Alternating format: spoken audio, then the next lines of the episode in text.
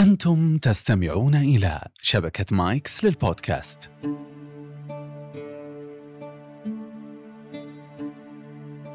أهلين أنا عبد الرحمن وهذا بودكاست مسودة.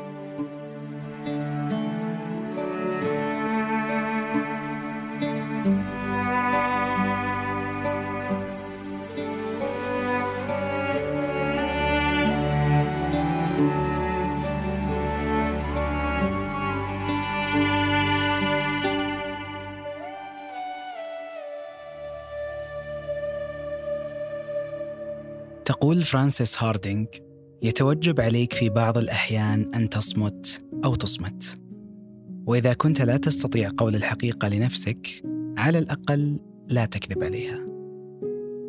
الوعي بالذات هو قدرتنا على ملاحظة أفكارنا، مشاعرنا، ردات فعلنا بدقة كبيرة وتحديد ما إذا كانت تمت للواقع بصلة أم لا. أصبح الوعي مصطلحا رائجا وكلمة رنانة تستخدم في السنوات الأخيرة.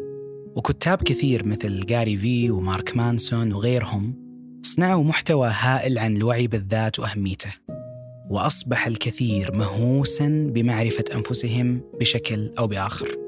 في الوقت نفسه معرفة الذات تحمل مساحة رمادية كبيرة في أفضل الأحوال ومؤذية في أسوأها. فهناك خط رفيع جدا بين الوعي بالذات ونقدها.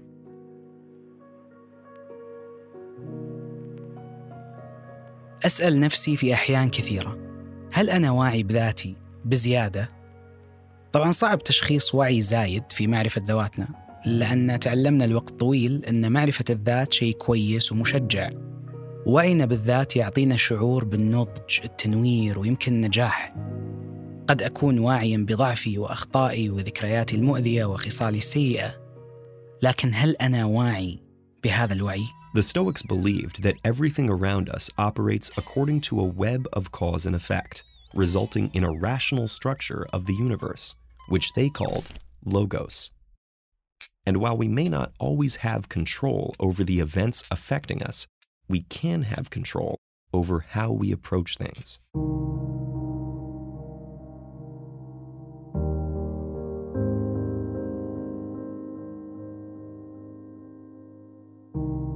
يتربع تحقيق الذات في أعلى قمة هرم ماسلو للاحتياجات الإنسانية لكن معرفة الذات أمر صعب فكيف بتحقيقها؟ فسعينا للكمال الغير موجود عائق مبدئي ولن يبدو تحقيق الذات بسيطا كما نراه في الأفلام ونهايات الروايات الرومانسية وكتب تطوير الذات المشهورة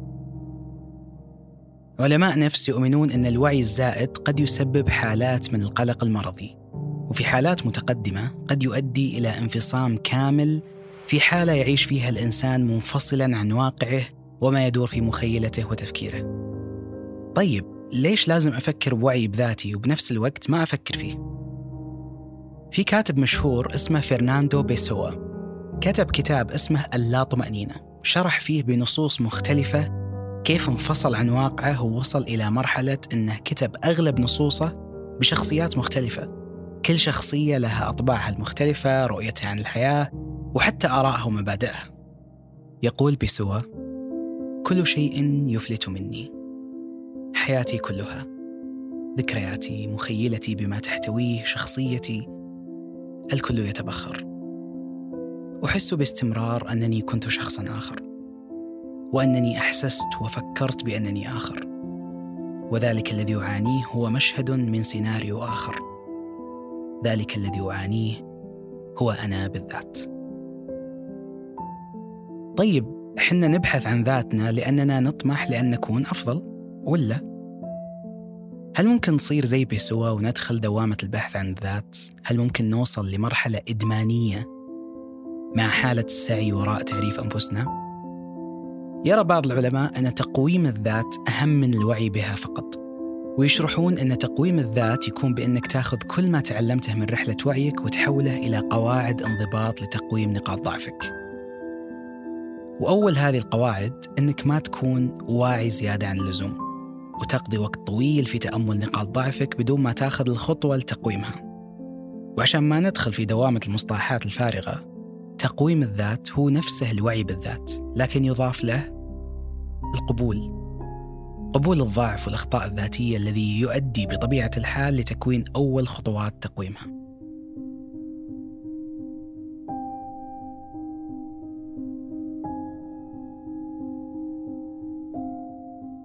بحثنا المكثف عن الوعي واستهلاك قدر كبير من المحتوى عنه يخلق نظرة مشوهة وسطحية فالوعي بالذات يحمل عوامل مختلفة. عوامل داخلية وسرية بيننا وبين أنفسنا كالوقوف أمام المرآة في البيت ملاحظة عدم التوقف عن التفكير في شيء معين أو الإيمان بمعتقد واتباع مبدأ وغيرها الكثير. في حين في عوامل خارجية ناخذ فيها منظور الأشخاص الآخرين عنا وتخمين كيف يفكرون فينا. إيش شعورهم؟ زي مثلا إذا وقفت تقدم عرض أمام مجموعة من الناس أو إذا تناقشت مع أشخاص في قضية عامة أو إذا تكلمت مع شخص آخر عن شعور معين وكيف يمر فيه الإنسان. هذه العوامل الخارجية لها أهميتها. هي نفس العوامل اللي تخليك تتصرف بطريقة معينة في أي موقف. كيف تتكلم تتحرك كيف تعبر عن أفكارك. عوامل فيها متغير غيرك. فيها شخص أو مجموعة أشخاص واقفين بالصورة معك. أهم شيء لازم نؤمن فيه ونرسخه في مسألة الوعي إن إحنا في أغلب الأحيان نملك الخيار. فتصرفاتنا الاعتيادية اللي نابعة عن وعي داخلي عندنا ما نفكر ولا نشكك فيها. فيبدو لنا إن إحنا اخترنا ردات فعلنا لكن الواقع ممكن يكون عكس كذا. If you combine a thought and a feeling, a thought and a feeling, a thought and a feeling, and you have a series of good thoughts that are connected to a series of good feelings, that cycle of thinking and feeling creates what's called an attitude. If you have a series of negative thoughts that are connected to some pretty bad feelings, you'll say, I have a pretty bad attitude today.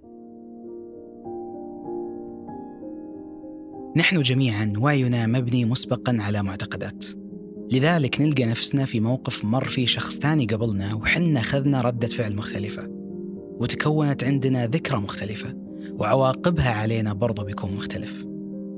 ملاحظة الأنماط في التصرفات مفتاح مهم لتقويم الذات.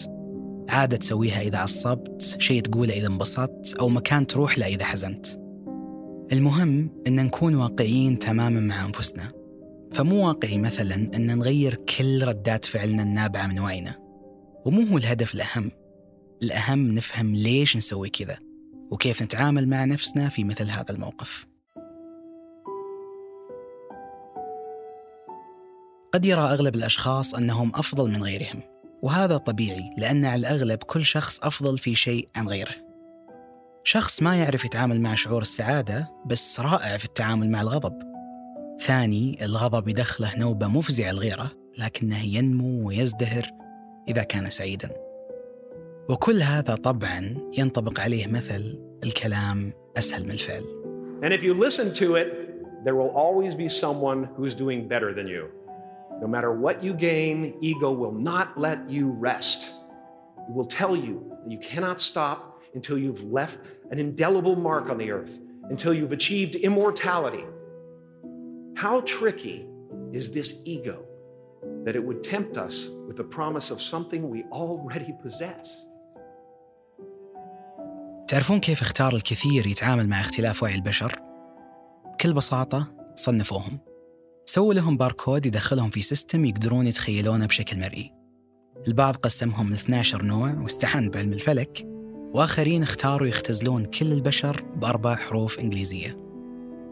تحليل الشخصية كان ولا زال أداة بغض النظر عن الفائدة المرجوة من استخدامها وبعيدا عن مدى دقتها أو لا لكن قليل منا اللي استخدموها لتقويم وعيهم. يا تستخدم لتبرير ردة فعل أو لاتهام الآخرين في أخرى. وكل إنسان يحمل تركيبة مختلفة وفريدة يقف وراءها الكثير من التجارب الشخصية الذكريات التأثيرات البيئية والاجتماعية وعوامل كثيرة أدت إلى بناء وعيه بذاته وبمشاعره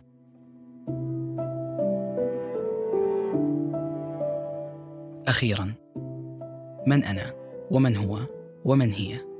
كلها أسئلة ستظل حبيسة المعنى خارج سياق كامل من رحلة الوعي بالذات فأنا اليوم عبد الرحمن السعيد جدا لكنني غدا قد لا أكون كذلك وهكذا.